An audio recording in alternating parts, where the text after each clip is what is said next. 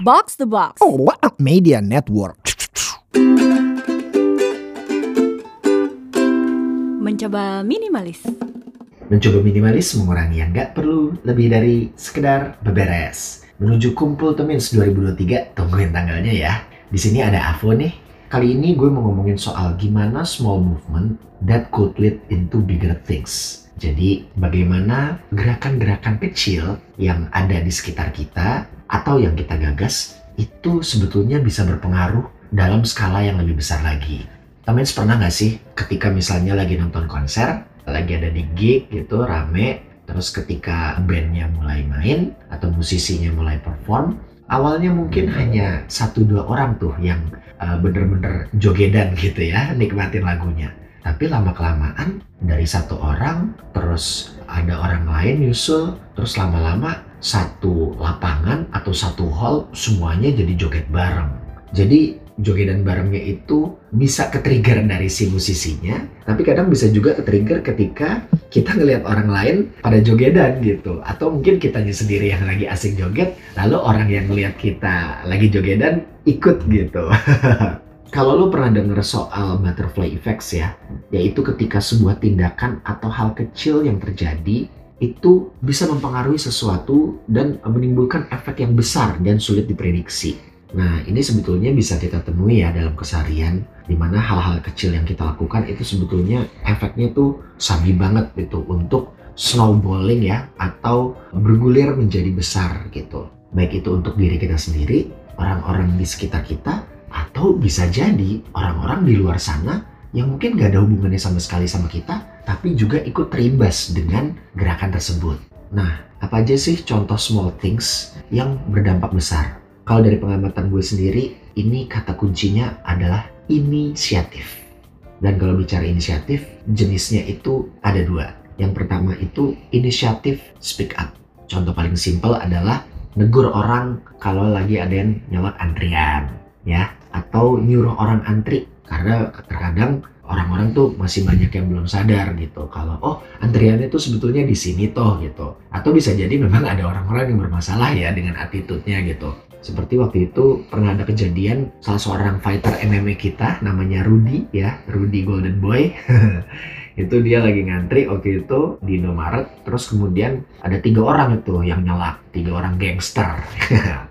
Nah, terus dari situ terjadi perkelahian kemudian sudah dinamaikan tapi kemudian uh, berlanjut tuh di mana Rudy menantang mereka untuk fight tiga lawan satu wah di atas ring.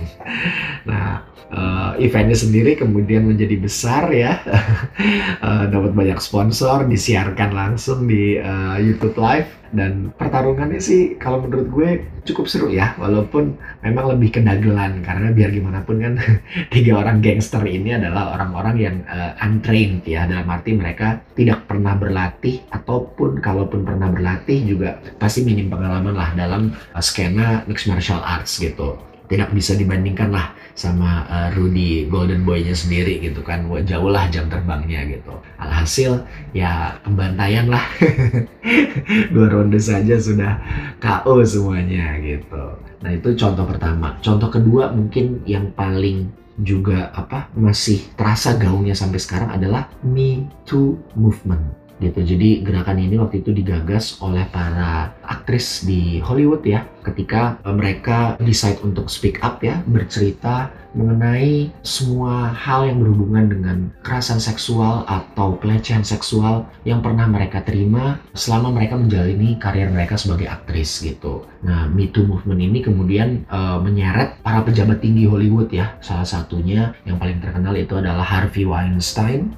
dengan Weinstein Company-nya. Uh, akhirnya beliau juga uh, dijatuhi hukuman sama pengadilan dan uh, hal ini tentunya juga uh, menjadi apa ya semacam presiden yang uh, baik gitu untuk skena industri perfilman di Hollywood itu sendiri gitu. Jadi rumah-rumah produksi yang ada, studio-studio besar, asosiasi aktor, aktris dan kru film semua semakin menyadari apa pentingnya menciptakan lingkungan kerja yang aman, nyaman dan jauh dari kekerasan seksual.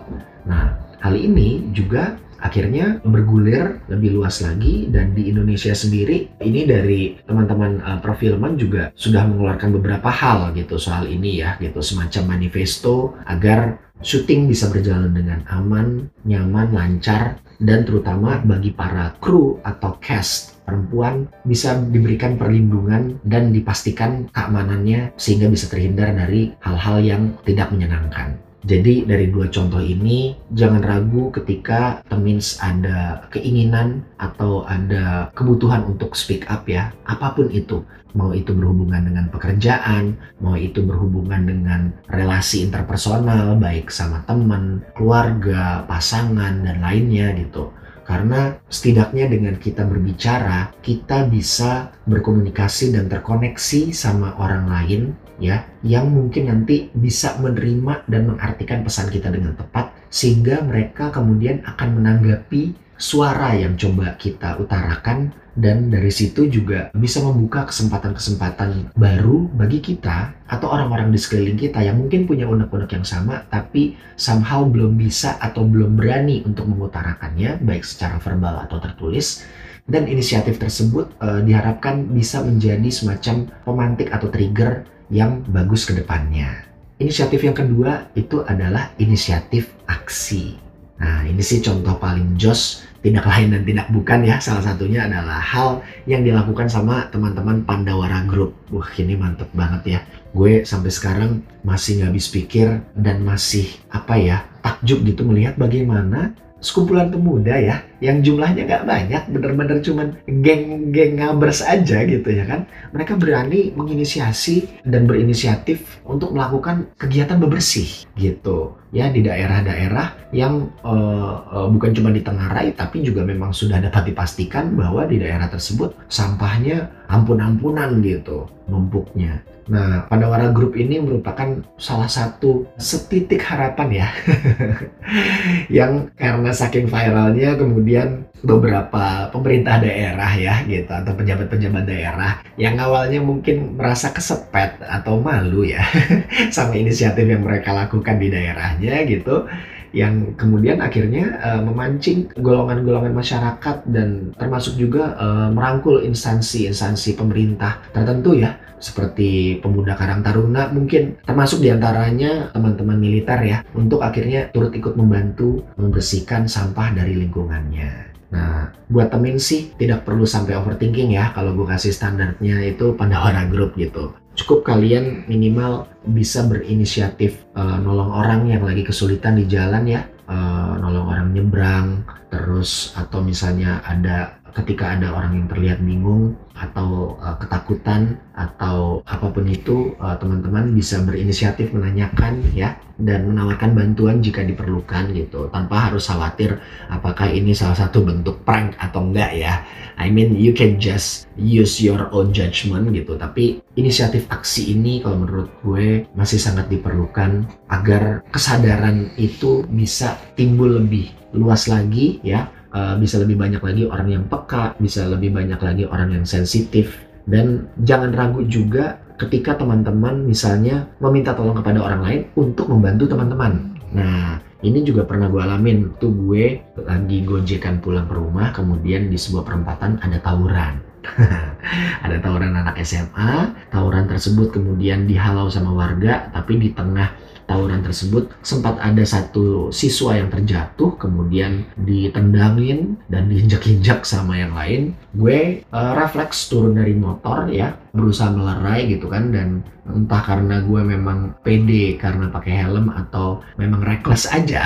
Jadi ya udah gue bantuin gue gue seret anak itu gitu kan karena dia udah ngeletak gitu kan dan gue minta tolong orang-orang di sekeliling gue untuk bantuin bawa anak ini ke tempat yang aman gitu. Sekalian juga gue minta tolong sama orang sekeliling gitu untuk wait bawain air dong gitu. Atau minta obat dong gitu. Jadi orang-orang yang di dekat warung tuh langsung bergegas gitu kan ada yang bawa tisu ada yang apa beli obat merah gitu ada yang bawa aqua gitu untuk nolongin anak ini gitu. Jadi beraniin diri aja untuk beraksi gitu. Terutama untuk nolong orang ya karena gue percaya ini bukan soal bagaimana kita menjadi superhero. Walaupun dunia ini memang uh, butuh superhero ya gitu. Tapi gue rasa menjadi inisiator dalam hal kebaikan pasti bisa influence orang lain untuk melakukan hal yang sama juga. Gue sendiri tinggal di Jakarta, Jakarta Gotham City, isinya banyak orang gilanya, isinya banyak orang korsletnya, isinya banyak orang-orang yang Sparta struggle gitu, tapi di tengah carut marutnya itu semua, gue masih yakin bahwa ada orang-orang yang incorruptible, ada orang-orang yang masih memiliki energi, mindset, dan uh, semangat yang positif. Mereka terkadang hanya perlu di-trigger saja sama inisiatif yang baik untuk kemudian mereka pasti bisa akan bergabung dengan kita gitu. Jadi kalau istilahnya Avengers itu kita bisa assemble.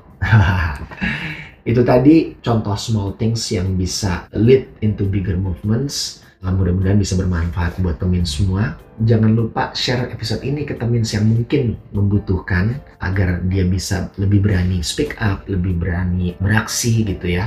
Dan boleh banget untuk kasih review bintang 5-nya di Spotify lewat HP lo agar gue sama Puri tambah semangat rekaman episode-episode baru. Kita ketemu lagi di episode selanjutnya. Apa chaps?